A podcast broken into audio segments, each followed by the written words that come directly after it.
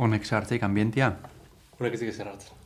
Oin, Ah, hori grabatzeko dakak. bai, Piskat altu dakak, hau ez? Oh. bai. Hola, jatxi. Ah, Harrapatzei galare, eh? Ondo harrapatzik. Probatu zera pixkat?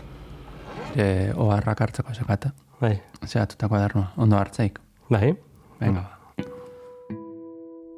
Hau da nire etxea. Naramaten bide guztiek handik nakarte. Leio ondoko aulkian egon nintzen zuk deitu zain. Sofa honetan bilakatu ziren zure beldurrak gure. Horma horrek besterik ez nau kanpotik babesten. Leku hona da amodioarentzat. Hemen biltzen naiz maite ditudanekin. Egon gelatik komunera pizten zait galdera. Sukaldetik logelara datorkit zure akordua. Etxean ez da zabaldu ezin dudan aterik. Hemen bizi naiz. Hemen geratzen dira esandakoak. Hemen gaude. Gaudenak eta joanak. Nik uste dut etxeak, e, gai, ingle, bai inglesez eta bai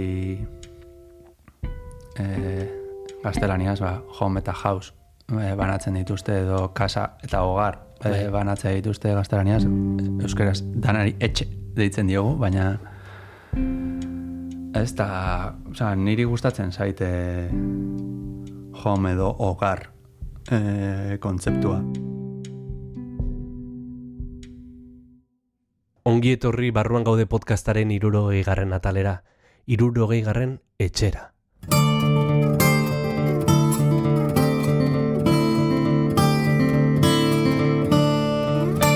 Gaur barruan gauden, Jon Benito Aranberriren etxean sartuko ditugu mikrofonoak. Bizitzan lortu duena galtzeko beldur hori.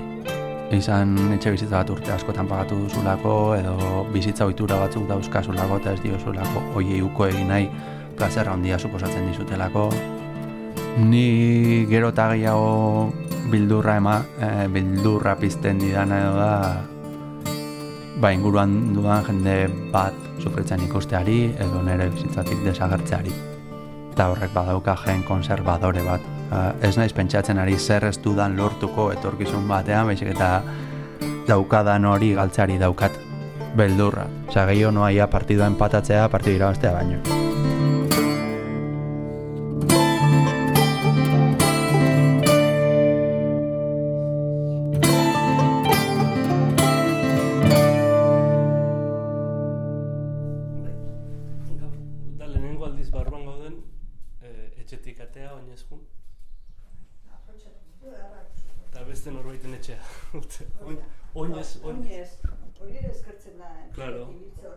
Bai, bai. Bueno, Ba, bani joa, aio mila.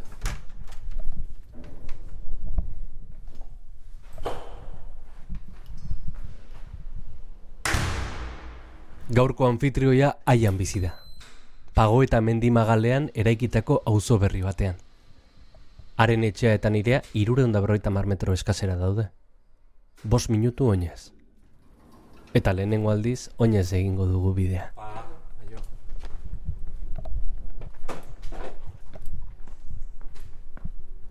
Jon Benito historian lizentziaduna da, baina idazle gisa nabarmendu zen gazte-gaztetatik. Dagoeneko bi poemario eta narrazio liburu bat kaleratu ditu.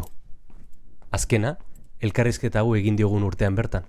Farmazia beltzak argitaratu dion lagun minak. Sentsibilitate oso handikoa da bere poesia.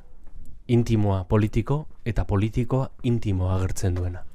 Giza galbideak arakatzen dituena modu gordinean, eta baita gutzen gaituzten izpiak ere.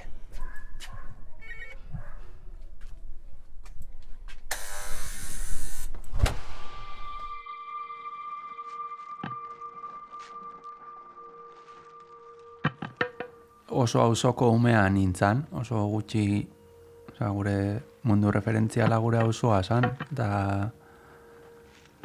bageneukan herri baten mugetan bizitzean sentipena, ze gaur egun etxe bizitzan mordo bat dauden lekuan ba, baratzak zeuden, eta eta orduan gure ba izango dugu gure auzo urbanoa eta eh, bizitza zibilizatua geneukana, eta gero ba, pixka solte egon gintezken ere mua, bai, bizikletakin jute ginalako, ba, oso gertu zeuden elkarren gandik. Eta orduan ez genuen auzotik kanporako diversio handirik e, behar, eta egia da ikastera ere nera auzotik oso hurbiltzen e, ikastetxe batera joten nintzala, zortzigarren mailar arte, eta orduan ba, nire ekosistema naturala hori izan, ez? Ba, nire auzoan ba, bizi nintzen nire gurasoekin, eta nire auzoan jolasten nuen nire lagunekin, nire auzoan bilatze genuen beste mundua edo diversioa deitzen genuna, eta ikasi ere nire auzoan egiten nuen. Mhm. Azken portu. Bai, Ordutik asko aldatu da zarautze esan dezu lehen. ez? bai, E, eta eta aiara etorri gehazu bisitatzea. bai, bueno, etorri ez da... Etorri, edo. ez, etorri ez da- Gerturatu, edo. Bai, ze izango gertuen egin desun elkarrizketa, Bai.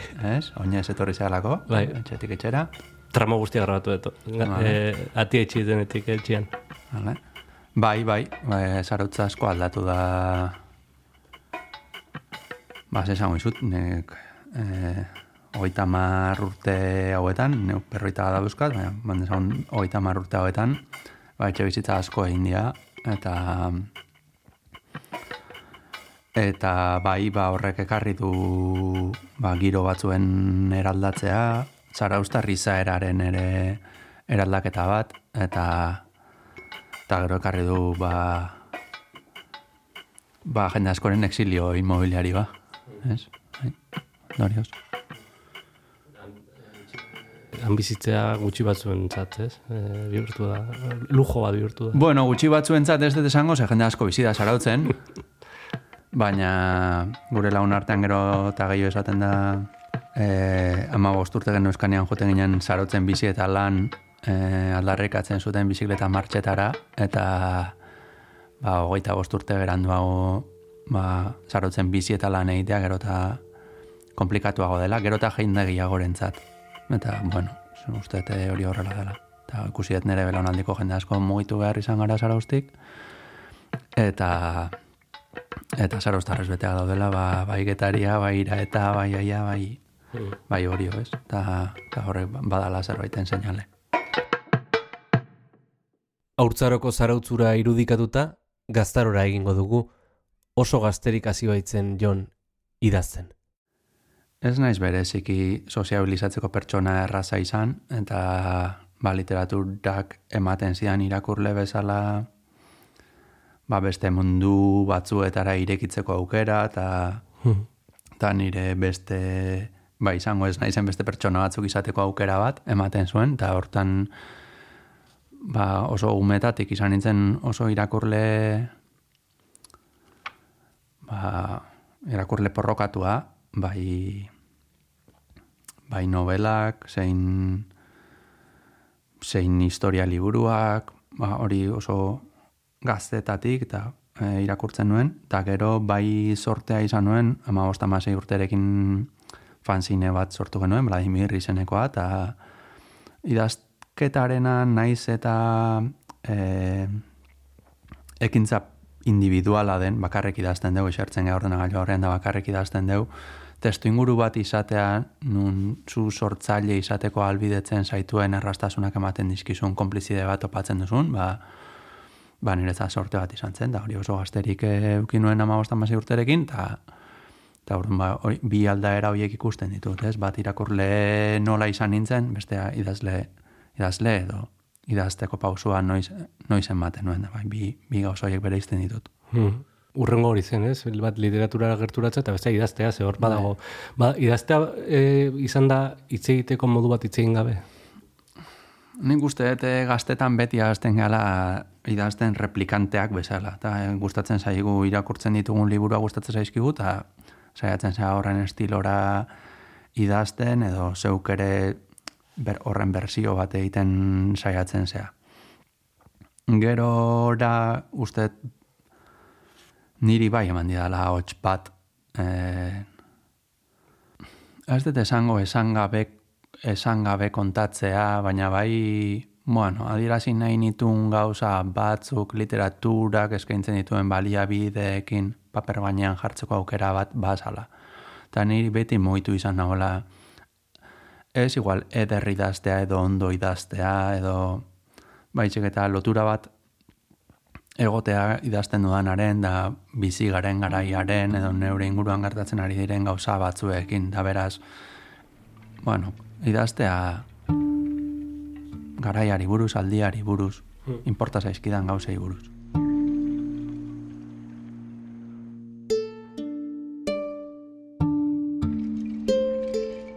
Lehenengo komunikazio akatsa o lehenengo ezin ulertua gurasoekin izaten da. Bai? Ne, lehenengo dibortzioa, nebe Bai. E, zure kasuan ala izan zen, nola izan zen hori? Oso harreman hona daukat nire gurasoekin. Baina egia da gure gaztaroan egiten duguna dela autonomia bat irabazi e, gure gurasoekiko eta gure identitate propioa sortu eta hortarako gure identitatearen bilaketan egiten duguna da beraien aurkakotasun bat, ez? Eta gure identitateak eraikitzen dira gure antagonistarekin lehian da batzutan gure antagonista nagusienetako bat ba, izaten da ba, gurasoekiko dauzkagun apego batzuk eta leialtasun implizitu batzuk austearen zera hori. Nego oso modu apalean, uste zango nuke kudeatu nituela, ba, hori unibertsitate garaian ba, kanpora joatearena, edo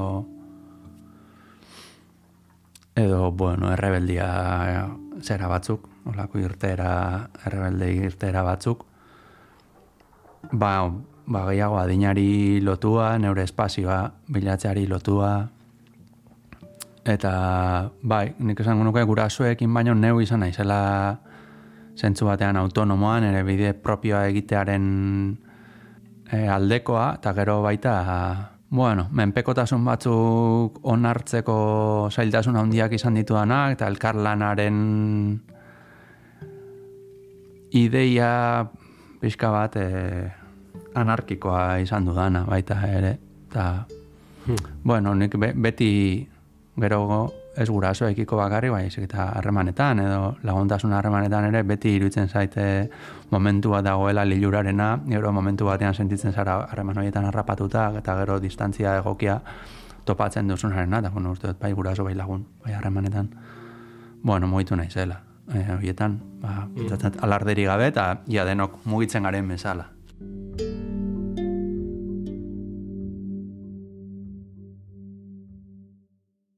Hitzak hizkuntza menperatzen dituenak e, batalla erdia irazita duka. Ez da hitzak bakarrik, ez, honet, adibidez eh, lagun minaken bada okezka bat, eta esaldi, ba, esaldi batean zehazki aipatzen da. Gaur egun zer esan nahi dugu etxe edo gu edo libre esan nahi dugunean. Eta etxea lehen interpretatu genezaken adibidez, gure babesleku bezala, gure ez, espazio intimorako eremu bezala, baina etxea gaur egun da gure gastuaren zati handien abideratzen dugun eh, azpigitura edo inbertsio bat. Etxea da nun gure gerra intimoak eta gure eh, bueno, atratu txarkazu gehiena gertatzen diren espazioa ere, orduan, ia ez da babesleku bakarrik, baizik eta plazer eremu ere izan beharko lukena bada gerra eremu momentu batzutan. Askatasuna hitz egiten dugunean, denok daukagu gure interpretazio propio askatasuna denari buruz, eta guri buruz adidez, bueno, gero eta territorio lausoagoa da gutasunarena. Bada hitzen adierari buruzko e, gerra bat, ez? Zer esan nahi dugu bakea esaten dugunean. Mm Zeinen bakea sari gara? Horrek esan nahi du violentziarik ez dagoela, edo violentzia e, zera bat onartzen dugula, bake definizio horren barruan. Batzuentzat bakean bizi gara, beste batzuentzat ez. Bueno, ez? E, nik uste e, adieren zera bat badagola, eta, bueno, Podemosekoak eta hasi, e, zirenean batez ere errejon e, resignifikazioaren kontzeptuari, ez? Hitz bat hartuta ura ari beste esan nahi bat ematearena. Alegin hori egin dezakezu, baina jendeak ez badu hitz horren adiera eta erabilera hori zurekin konpartitzen, azkenean hizkuntza bat da guk e, espresabide e, komuntzat daukagun gauza bat, eta eta irutzen zait, ba, batalla hori soziala dela. Eta ba, zuzaiatu zaitezke adiera bat inposatzen, da, da jendarteak hori ez erosi. Eta, bueno, ba, jartzen dut zure e, zera hori, zure irakorketa hori. Baina, segi. E, ez, e, gaia interesgarria egite zaite, en, nola konturatzerako hitz bat bat- batean denok daramago nagoan, edo erabiltzen dugun, edo denok eramaten dugun plaza publikora. Nik uste hori pan, pandemia garaian ere sortu diala eztabaidak eta bapatean danok e, hartu ditugula ez? postura batzuk eta eta diskurso bat, edo gerrarekin Ukrainian, ez? Bapatean, en, en, beldurra, bueno, ni, ni beldurra sortzen dit, ez? Nola ze belizismo hartu duen plaza publikoa, ez? Eta zeinen polarizatua dagoen dan, eta zein zaila den e, grisetan kokatzea, ez? Lehen identitatea hitz egiten nuenean badago hortik ere, alegia e, batez ere sare sozi- sozialak edo ikusgarritasuna ikusgarritasune, nortasuna ikusgarritasunetik eraiki nahi dugun momentuan ematen dut denari buruzko iritzi argia euki behar duzula edo bestala ez arela ez daukazula edo nortasun bat edo ikusgarritasun bat eta eta Eta niri ere gertatzen zait, une askotan gertatzen ari denari buruz gero eta e, zalantza edo ez behintzat iritzi argiak ditudan garai batean batzuetan gustatzen zait e, erreferentetzat dudan jende batek bere iritzia argiki ematea. Neuk ere iritzi, neure iritzia sortzeko faro bat izan dezadan, bai?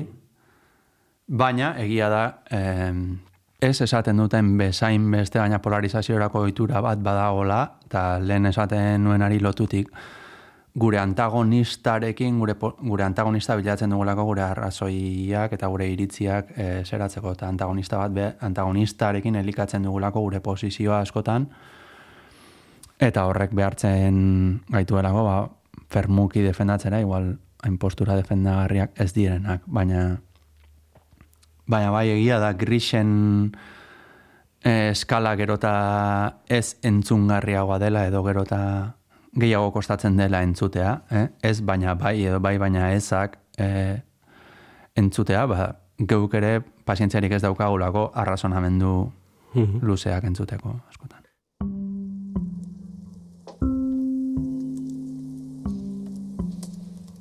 Niri adibidez, gero eta gehiago kostatzen zait, iritzi propio bat eukitzea gizartean gertatzen ari diren gauza en, askoren aurrean, da horregatik, ba, lotxa mateita aitortzea, baina errespetatzen dudan jende baten iritzia hartzen dudala akritikoki iaia nirea bailitzan, eta ba, falta zai dalako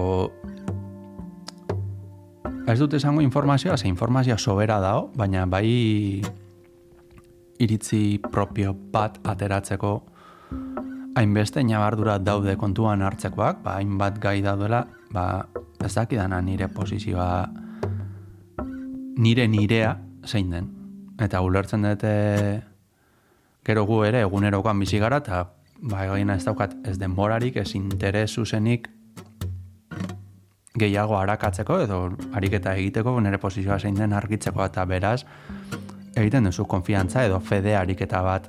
Zuretzat erreferentea izan den pertsona baten iritzia zeure egitekoa eta ez dut esango nik ja ez dute inun iritzirik ematen baina publikoki baina baina bueno ba, ba bizi naiz beste horrek egin didan filtraje arekin, ba, neure iritzitza hartuta bizi naiz, eta eta lotxa mateit berriz eh? Ba, eta ba, pandemian bizi izan un aski modu akritikoan, ba, erakondeek esaten zuten nahi nuen, eta takito, eta takita hainbat gai daude egunerokoan, ba, iritzi garbi bat ez daukadana, eta beraz edo horretan mugitzen diren mugimenduek esaten dutenera lerratzen naiz e, batzuetan, ba, ezagutzen dituan pertsonak, ba, izan fizikoki ezagutzen ditulako, da nire laguntzarean daudelako, edo ba, izango beti intelektualki edo gustatzen zaizkidalako, ba, beraien iritzietan oinarritzen naiz neurea eraikitzeko.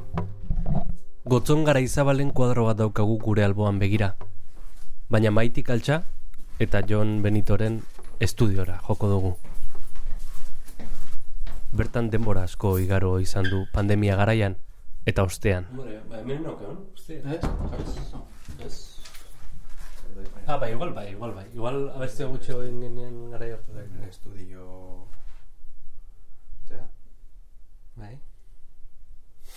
Hemen ite lan, hemen demora asko pasatuko. hemen nitet lan, oain telematikoki azken aldian zera gehiago, demora gehiago, eta hemen da eskat, ba, liburuen uneko laro gehiago edo, Mhm. edo, bestia da eskatu gura asko banean, oain, Mhm. liburuen uneko laro gehiago, eta, da, sumetan, zera bat, em, serigrafia bat, uste, eta, eta, irurogei kopia eta zian.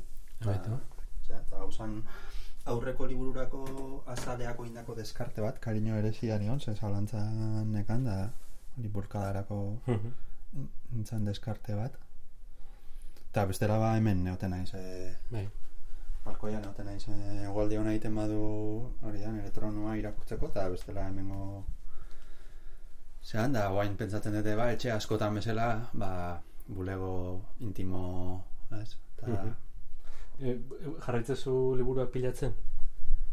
Bai, bai, bada nire pasioetako bat, dula hamar urte garbi honekan, eh, nire soldataren euneko amarra bideratuko nula hilero liburuak erosteko, Mhm. Eta gero ba eukitute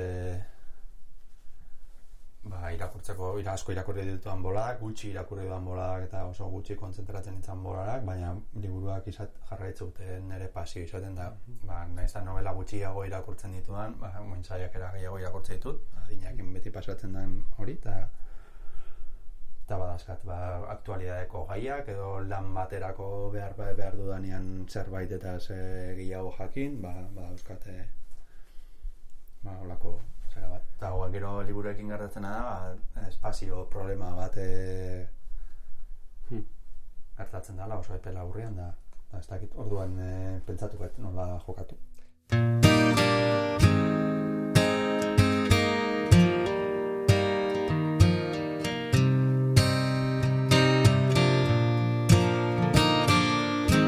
Arro gelditu zaren hiru abesti, idatzi zen arro gelditu zaren hiru abesti. Bat esango izut, baina kaletik bola jendia gehien gogoratzen dena da amapolaren, gariren amapolarena. Agartzen zaizkit loreak gorri daigarri Beste bizitza batekoak dirudite. Gerturatzen naizenean Simeldu eitzen dira.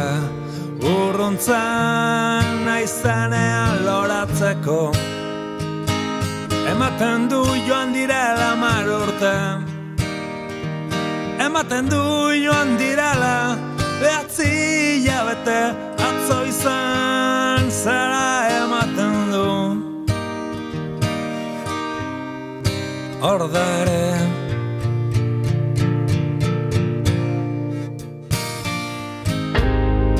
Kanta batik gerta dakioken honena badala jendearen memorian geratzea eta urte asko pasatu dira eta baina bada jende batek gogoratzen dira, lotzen nauena eta eta izan da enkargu baten egin didatenean kantu baten letra idazteko eh, ref, gehien erreferentzia egin didaten kantua izan da. Lore gorri, lore zuri, lore zure Esartuko lore, utzuko nenu fare Bihar lehoratzo zutan, gaur bare Lore guztiak nire baitan dare Zerk lortu duzu unkitzea baskenbolara?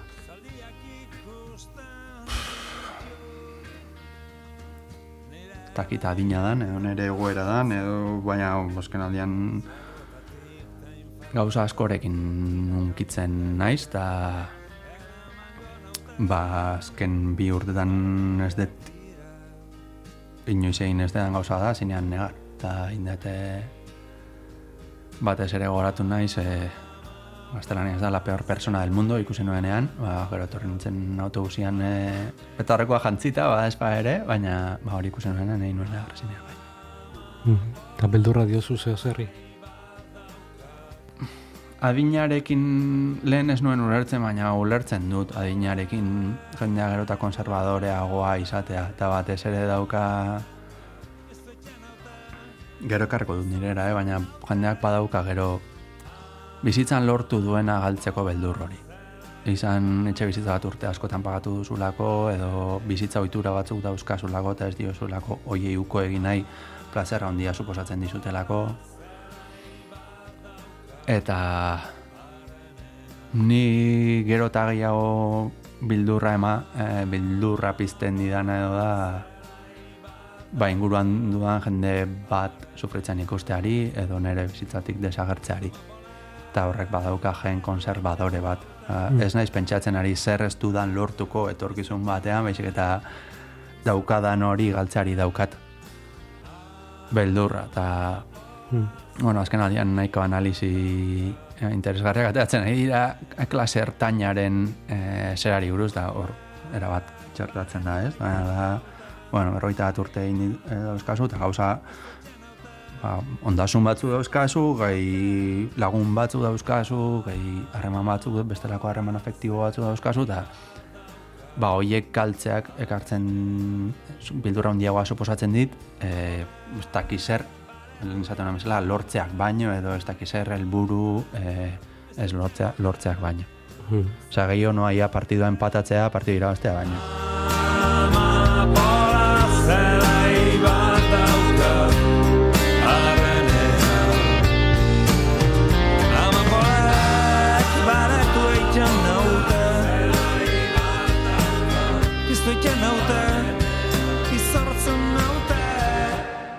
Hasieran aipatu dizudan bezala entzule, Jon Benitok hiru liburu kaleratu ditu, hamarkadaka. 2000 eta batean aingurak erreketan poema liburua kaleratu zuen zuzarekin, 2000 eta hamarrean bulkada berriz ere zuzarekin, eta aurten, 2000 eta hogeita bian, kaleratu du bere lehen narrazio liburua, lagun minak, farmazia beltzarekin. Eta hiru liburuak zeharkatzen dituen gai bat aipatu diogu, gutasunaren eta nitasunaren arteko katazka. Gustatu zitzaidan udako ikastaro batzuet, o, azken udako ikastaroetan, sarren handiari, prensan irakurren nuen nintzen itzaldietan izan, baina irakurretzen nuenean berak zuen identitate kolektiboa eta we feel defendatzen, eh, definitzen zuen. We feel. We feel. Eta ez da horren beste en, zehaztuta dauzkagun eta esplizituki ados gauden eh, ardatz batzuetan, batzuen arabera osatzen dugula gure gutasuna, ez, hau da gu, gu egiten gaituena, ez, ez da esplizitua, baizik eta badao implizitua den sentimendu kolektibo bat, ez? Aplikagarria dena eh, bi pertsonen gutasunari, zein amabostekoari, zein irumilioikoari, esan dezagun. Eta neuk ikusten dute oain irakurketa guztiak direla nire arabera, ez? Eta puntu batean ulergarria zait, ba, norbera, norberetik bizi dugulako geure bizitza, baina horrek badakarrela ba, ondokoarekiko ardura galtze eta beste batzuetan errespetu zera bat, eta batez ere nirik eskatzen dena kompromiso galera bat ondok, ondokoarekiko, edo urkoarekiko, ez? Eta urkoarekiko harreman hortan beti lehen ezten dugula, bueno, nire lagun, nire lagun batek definitzen du, problemak sozializatzetik, problemak psikologizatzera pasatu garela, eta orduan dena egiten dugula interpretazio psikologiko bat, eta ez horren beste soziala. Mm. Eta lehen ezten dugula, ba, nola ba, ongizate kolektiboa baino, ba, on- ongizate individualaren zera bat dagoela, eta nia dela erabakiak hartzeko gune nagusia, eta bueno, hori horrela da, eta neuk ere horrela egiten dut, ez, ez naiz bestearen ganen jartzen, neuk ere horrela bizi naiz, ba, horrela bizi garelako e, gaur egun.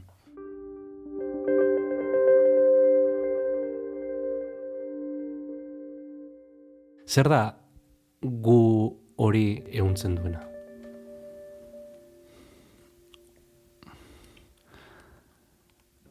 Berriz bueltatuko naiz we feel hortara, ez? Ta niretzat da sentimendu, esango dugu, sentimendu konpartitu bat.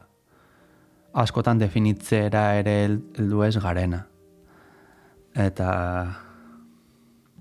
nire kooperatibako bazkideak esaten du enpresa bat da ko- ur gainean e, korrika egitea, eta pentsatzen hasten zeanean e, zer pasatzen nahi dan ondo batzen hasten zea, aplikagarria da bikote harremanetara ere, ez? Ba, imarrezu korrika ur gainean da hasten zeanean definitzen zer batzen zaituzten zergatik zaudeten elkarrekin da bueno, hori xeetzen hasten danean, ba, normalean ondolatzen hasten gea, ze antolatzen gara ez gaudela ainados gure ondokoak esaten duenarekin. Eta irutzen zai sentimendu kolektiboa edo gutasuna ere bada- badaukala hortik definitzen hasten garenean, ez da hasten dira.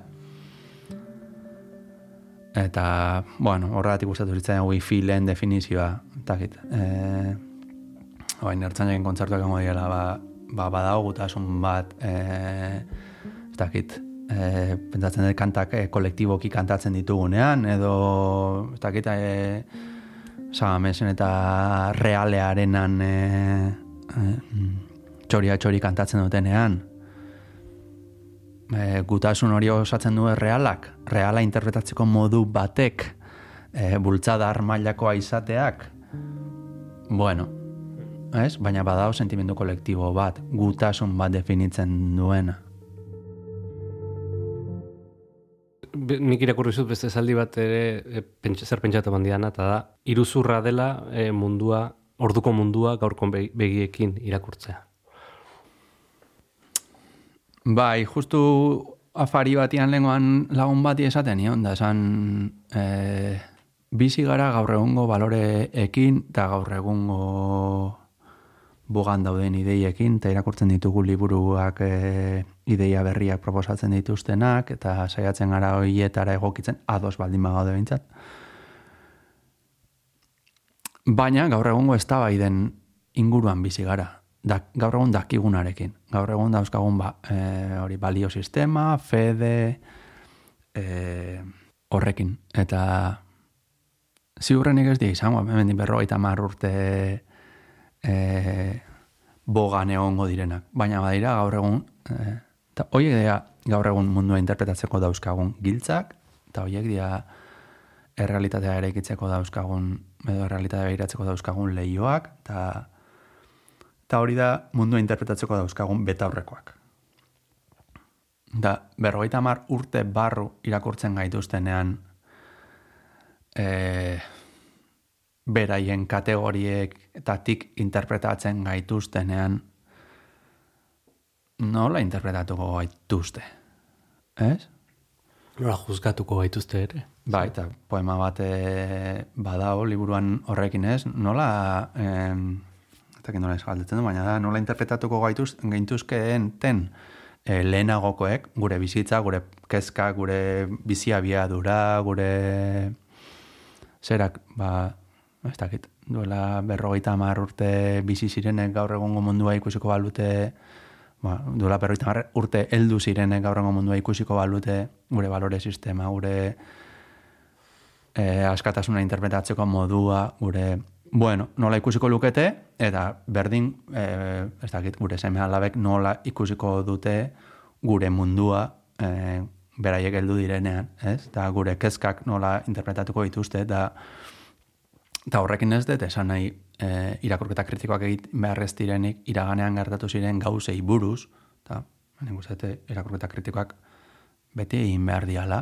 eta ezinbestean egingo ditugula gure e, gaur egungo e, zearekin, baina, bueno, testu ingurua ulertzeko saiakera bat egin beharko genukela. Hmm. Eta horrek ez dakarrela, ba, irakurketa kritikoak egite ditugunean, ba, ba, ez dakit, okendok ez dauka defensa posiblerik e, gaur egun. Eh? Ez plaza bat eukitzeko, ez, e, ze bat estatua bat eukitzeko e, zera. Donostian, baina, ba, aldi berean, ba, okendoren garaia ulertu egin behar da. Hori, hori da, esan nahi duan. E, osa. E, inoiz baino gehiago bizi gara, baina inoiz baino azkarrago. Hori da paradoja, ez? E, oso azkar, zare sozialetatik desagertu egin zara.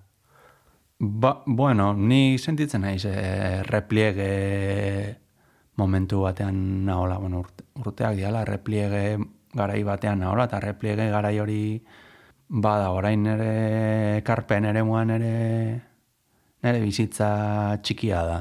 eta horrein berret nire ekarpen ere mua bai ba, nire inguruan ditudanekin, eta, eta hori, eta gero balen esaten izunarena ez gogorik boxeo dialektikoetan ibiltzeko, ez da, ez da zer esan beharko nuken e, iritzi argirik ere, zonet eskaini diatenean noain zutabeak idazteko, eta hori nun, zer esateko, zer esateko. Gu- Gure gurasoek e, gure esan dezak, bueno, ez dakit gure esan dezake baina e, bai, nik esango nuke bai, ez, ez, ez, ez dakit datu askonturatu zaren joan, baina urte bategatik ez zara mileniala. E, teknikoki, urte bategatik ez zara mileniala. E, ez, gure gurasoek predikatzen zuten diskrezioa, ez? Edo, eta pasa, pasatu gara gu, gu esango dut, e, ni pixkat urrun sentitzen naiz ja hortik, ez? Baina egia da, momentun batean ala izan dela, nire kasuan ere, predikatzen, predikatu izan dugula nabarmentzea, ez? Nabarmendu beharra, e, besteen gainetik nabarmendu beharra, ni horrekin, ez? E, eta orain ere hori sumatzen dena e, oro har, hori da, ez? E, nabarmendu beharra, e, erakutsi beharra, e, Egon ginen azkenengo aldian kontatu nizun nola e, desente gogoratzen nintzen e, o, resonantzia edo oihartzunaren e, zeratik eta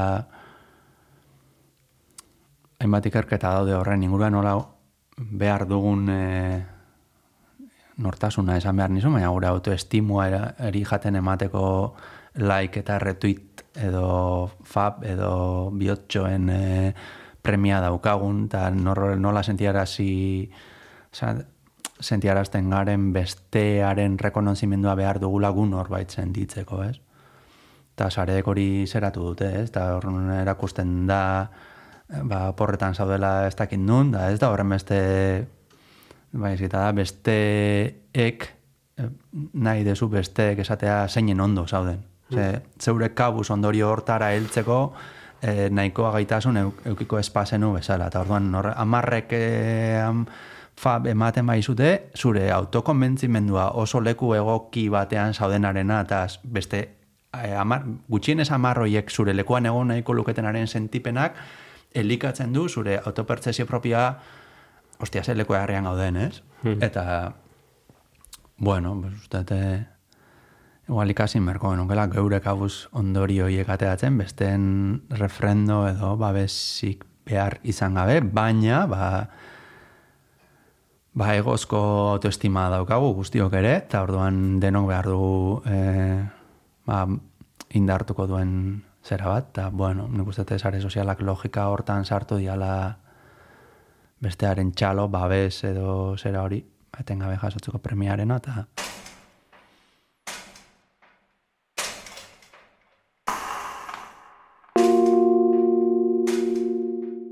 egunkariak irakurtzen duzu. bai. Eta albisteak sinetxi. Pasa den astean berriak aterasun albiste bat Bueno, neurera eramango dut, baina reportaje interesantea zen da zen jendeak aktualidadeko gaiekiko interesa galdu duela. Eta neu ere sentitzen naiz e, parte batean horrela. Alegia, ez zait horren beste gertakaria importa, ze gertakaria heltzen zait, baizik eta helduna izaten dut gertakari horren interpretaziora. Eta orduan ez da albistea sinesten dudan edo ez, baizik eta albiste horren interpretazioa da. Eta horregatik, ba, pentsatzen dut beste egunkari irakurle askok bezala, gehiago gustatzen zait, edo gehiago interesatzen zait albistearen, albi, albistearen kronika baino, albistearen eh, ondoan dauen iritzi zutabea edo horren interpreta, horrei hori interpretatzen laguntzen dian analizia. Eta horregatik ere prensa irakurtzen dudanean batez ere iritzi edo analizien irakurlea naiz eta eta horregatik sinesten dut eh, zera? Egunkari bat eh, irakurtzen dugunean normalean gustatzen zaiguna da mundua eh, nola interpretatzen edo gar, eh, iragazten digun. Osea, nola filtratzen digun. Eta beraz, egunkari batera hurbiltzen zaren heinean, badago fede bat egunkari horrek edo aldizkari horrek mundua interpretatzeko daukan gaitasunean. hori hausitan jartzen desun momentuan, zertarak urbiltuko zara egunkari hortara. Ez pasaizu gustatzen berak nola filtratuko duen bezperan gertatu zena. Eta beraz, nik fede harrik eta horretik sinesten dut e, irakurtzen dituan egunkariek nola interpretatzen didaten mundua. Sinestu, sinetxi nahi dut. Nola hierarkizatzen didaten zer den importantea gertatzen ari dena, zer den bigarren mailakoa, Hmm. zer ez den albiste bat. Baina kontrasten edo honekin lotuta badirudi gaudela garai batean e, geroz eta edo ematen du e, egiala gezurra ez dela garrantzitsuena. Esan nahi dut, gaude garai batean jadanik ez dena horren garrantzitsua egia ala gezurra den, baizik eta e, e, sini- sinisten o sinisgarria den ala ez den edo errelatoa bera e, e, plazaratzeko e, modua zein den. Ez? Uste eta asko funtzionatzen dugula e, konfirmazio sesgoa deitzen zaion e, irizpidearekin da. Nik uste norberak badauzkala bere aurreiritzi sistemak eraikiak eta eta konfirmazio sesgo horrekin egiten duguna dela gure mundu ikuskerarako aberazgarria den edo zein informazio hartzen dugu ez dut zango egiatzat, baina bai predisposizio honez eta aldiz gure mundu ikuskera, balore sistema, gure errealitatea zalantzan jartzen duen e, edo zein albiste, hartzen dugu a priori predisposizio esainonez, esan dut. Eta gero, konfirmaz, konfirmazio sesgo horrek e, zeratzen du. Zenbat eta e, ne, neure munduaren aldekoagoa izan albistea, esaten e, interpretatzen dugu hori da, nolabait, ez dut esango egia, ze egiak beharko lituzken ardura asko, baina neure realitatea elikatzeko balio duen enean nire egia. Ez? Eta orduan ez da egia edo gezurra esaten duen. Osa, nik uste edabideek lehen esaten duen mundua interpretatzen lagundu behar ditut, digute, eta euren interpretazioa egin behar dute. Kastaritzaren lana ez da objektiboa izatea edo gauzak neutralitatez e, kontatzearena, baizik eta mundua interpretatzen lagundu behar digute. Eta hor balore sistema bat dago, eta hor ideologia bat dago, eta horrela izan behar du. Eta beraz, bueno, errealitate, egia, horrelako hitzek interpretazio askorako ematen dute, baina egunkari batek laguntzen du nire errealitatea eraikitzen. Eta interpretazio bat ematen dian heinean. Atxagak esaten zuen hemen, e, bueno, hemen ez, barruan gauden. E, errealitatea kontatzeko erramentarik zehatzena literatura dela. Glups ingoet, baina eh, duela aste batzuk hil zen Javier Mariasek eh, uste eh, Espainiako Erret Akademian, hizkuntzaren Erret Akademian sartzen denako itzaldian esaten zula errealitatearen kontakizunak dauzkala bersio ezberdinak, ez? Demagun txaspian autoistripu bat gertatzen dela, eta epaiketara doaz, eta bagoitza kontatzen du bere bersioa, gertaturikoaren bere bersioa oso antzekoa izan daitekena edo oso ezberdina. Baina literaturak ematen zuela aukera bat esateko ahots bakarrarekin kontaduria bakar bat sortzeko gaitasuna ematen zuela eta beraz historia bat sortzeko gaitasuna ematen zuela. Eta historia horrek englobatu zezakela gertatu zena. Ez? Eta hori zela ba, literaturaren zera eta eta orduan bueno, Ez nuke esango e, literatura denik egia kontatzeko zera bat. Edo errealitatea kontatzeko tresna bat. Ba, Errealitateak fikzioara jotzen du gehienetan. Eta fikzioak sor ditzake errealitatea hobeto interpretatzen laguntzen digun fikzio bat. Eta lagundi ezaguke gertatzen ari dena naizta kontatzen digutena ez den gertatzen ari dena laguntzen digu gertatzen ari dena hobeto ulertzen. Ba, baina badauka premisa zintzo bat, nik ulertzen dute, e, diozuna eta atxagak dioena, ezakite, nire interpretazio izango da, baina badauka premiso zi- zintzo bat e, literaturak, e, e, fikzioak, ez? Esatea, bueno, hau da asmatu egin dugu, baina, e, e, ez? E, eramango gaitu e, leku ontara edo garai ontara, ez? E, Ados, baina salto bat egingo dut, niretzat interesantea den beste gauza bat dago, eta da, e, niri literaturak balio izan didala, e, historian gertatu diren gauza batzuetarak hurbilpen gisa. Eta kaso ez da, zehatz mehatz kontatzen ari gertatu zena, baina niri balio dit, e, ale, ariketa literario horrek gertatu zenerako hurbilpen eta ezagutzarako mekanismo gisa ez? Eta asko, eta gero eta gehiago gertatzen ari da, eta nahiko ikerketa daude, ez dugula bere izten fikzioaren eta benetan gertatu zenaren artean, da fikzioa erosten dugula gertatu zenaren errelato gisa. Eta hor, ez naiz hartuko, baina patriarekin gertatzen dana. Patria fikziozko lan bada, baina eh, jende batek esaten du, esto es lo que ha pasado. Ez? Ze hori da berak jende batek edo irakurle batzuk gertatu zena ulertzeko nahikoa zaien eta ulergarria zaien e, zera bat. Eta ba, berdin gertatzen niri angolako deskoloni, dekolonizazioarekin. Osea, badaki, ba, historiako karreran ikasi genuen. E, nola den eh, angolako dekolonizatze prozesua, baina demagun lobo antunesen liburuak eh, bakarrik irakurtzen dituzula, ba, ze liburu, ze idazle txarra, eta ez dakiz zer, baina aldi berian, e, fikzioa da zure errealidea erako hurbilpena. Bai.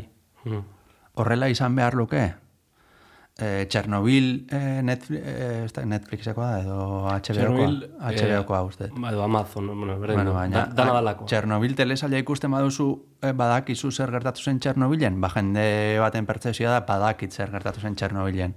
Gero jende batek esango zu, eh, ariketa propagandistiko bat da. Ja, ja, baina filtratzen lan hortara ez gara heltzen. Hmm. Bueno, hainbatean da, gehiagi korapilatu gabe, baina hainbatean gure oroimena ere bada fikzio bat, ez? E, gure zatia bakarrik gogoratzen dugulako, eta gogoratzen duguna, gogoratzen dugulako, e, azten ditugu zenbait gauza ere. Eta, Bai, noski. Eta hortik, e, hortik uste du oro, oroitzen duguna dela gertatu zena, baina gero, egia esan, e, segurazki ez- daka zer ikusi gertatu zena. Bai, memoria da eh, fikzio bat gaur egun garena justifikatzeko ba, eraiki duguna. Ez? Osea, memoriak intentzionalidad bat dauka. Memoria ez da, ups, horrela da. Ez da relato eh, neutral bat. Hmm. Gauza batzuk ahaztu egiten ditugu, beste batzuk nahi goratzen ditugu, segun hau oso garrantzitsua izan zen nire bizitzan, da mugarri bat markatzen du, eta gero urrengo bost urtean ez duzu ezer goratzen, eta gero baina beste mugarri bat dago, nolabait gaur egun sarena justifikatzen duena. Baina espero eta bendik aurre gauza harinago eta esitzen godola, ez da inork ez du jarraituko hau entzuten. E, poesiak musika behar du? Ez. Eta poeta oso ona daude, pues ez dakit, eh, tortzen zaite... Eh, Jonas Beri, adibidez, ba, ez dakit, ba... Agian eh, musikalidade... Espaldi ez dut irakurri, eh, baina... Ba, igual musikalidade oso gutxikoa, gauza batzuetan kriptikoa edo... Bueno, komprensio ez zerakoa, eta ez du igual e, musikarik behar. I- Behar duena da iradokitze gaitasuna, hori da niretzat poesia definitzen duena. Eta musikak poesia?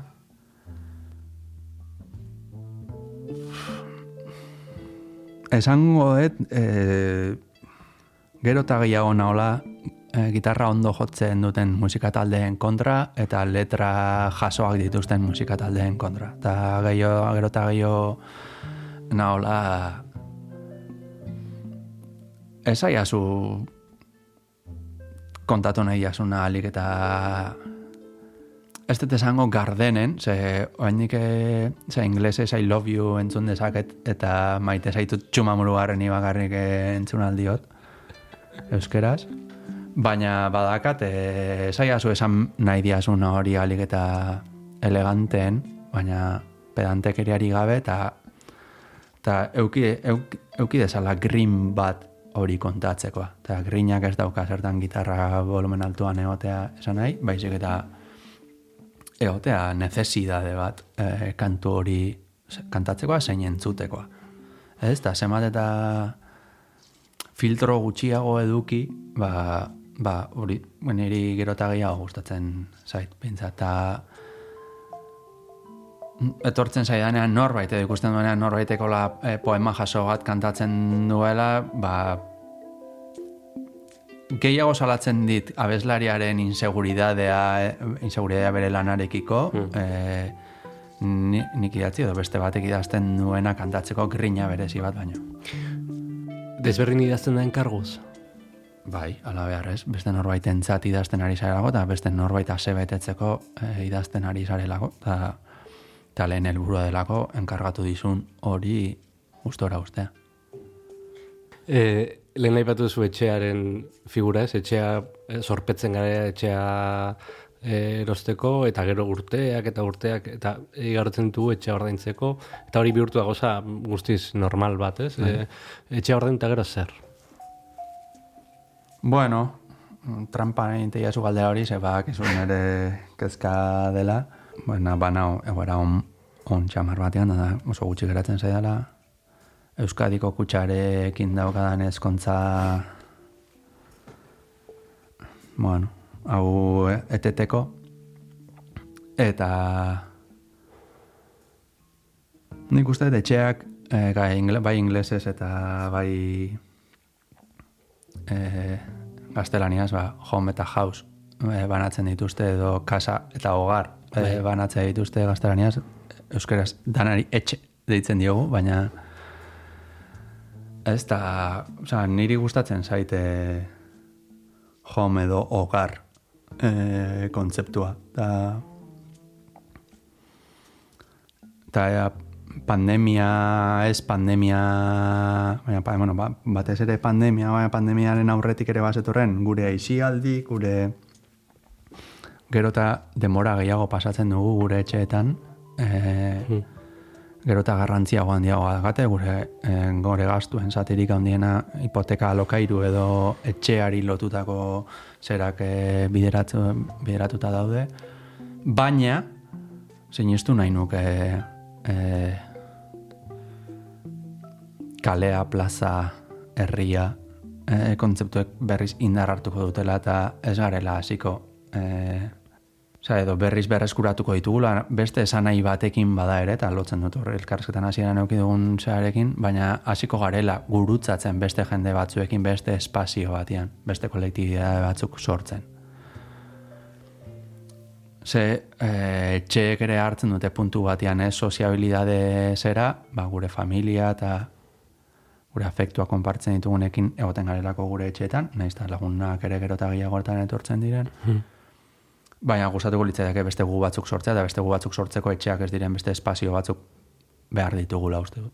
Berdin zaite den plaza, den e, bulegoa, den fabrika, den kalea, den mendia.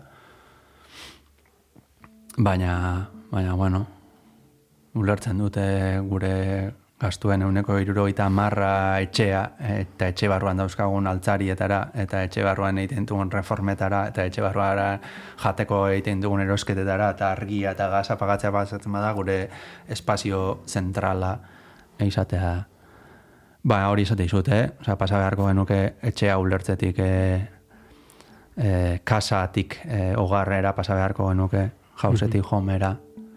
Eta eta niri gustatzen zait. Hom, hom hogar kontzeptua gustatzen zait, baina kalera, kalerako espazioa ere, ba, neu sentitzen naizelako berriz e, sozializatzeko premia batean da, ba, ba neure pausoa hori izango da, txa, denean hortan ari naiz. Jon, plazerra zure hogarrean, zure jomean sartzen. Ja, eh? Eta pena dakat, gauza harinago eta zeste ulaitzen. bueno, e, bueno. Bala, hoxe, eskarrik asko zuei. Aio.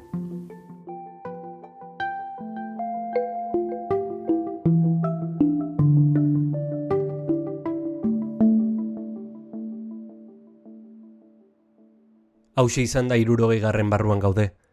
Gogoratu astero-astero ostiraletan zita bat daukazula gure podcastarekin. Eite podcasten eta audio plataformetan topatuko gaituzu. Audioak entzuteko darabiltzun dena delako lekuan. Arpidetu eta zabaldu lagun artean. Asko eskertuko dizugu. Gainera Twitterren ere topatuko gaituzu abildua barruan gaude kontuan eta Instagramen ere bai. Gogoratu alaber John Martija gure lagun eta lankideak podcast honen bikia egiten duela. Estamos dentro, gaztelaniaz. Besterik ez, bezarkada eta hurrengor arte. Ei, txt, entzun hori. Ulu Media.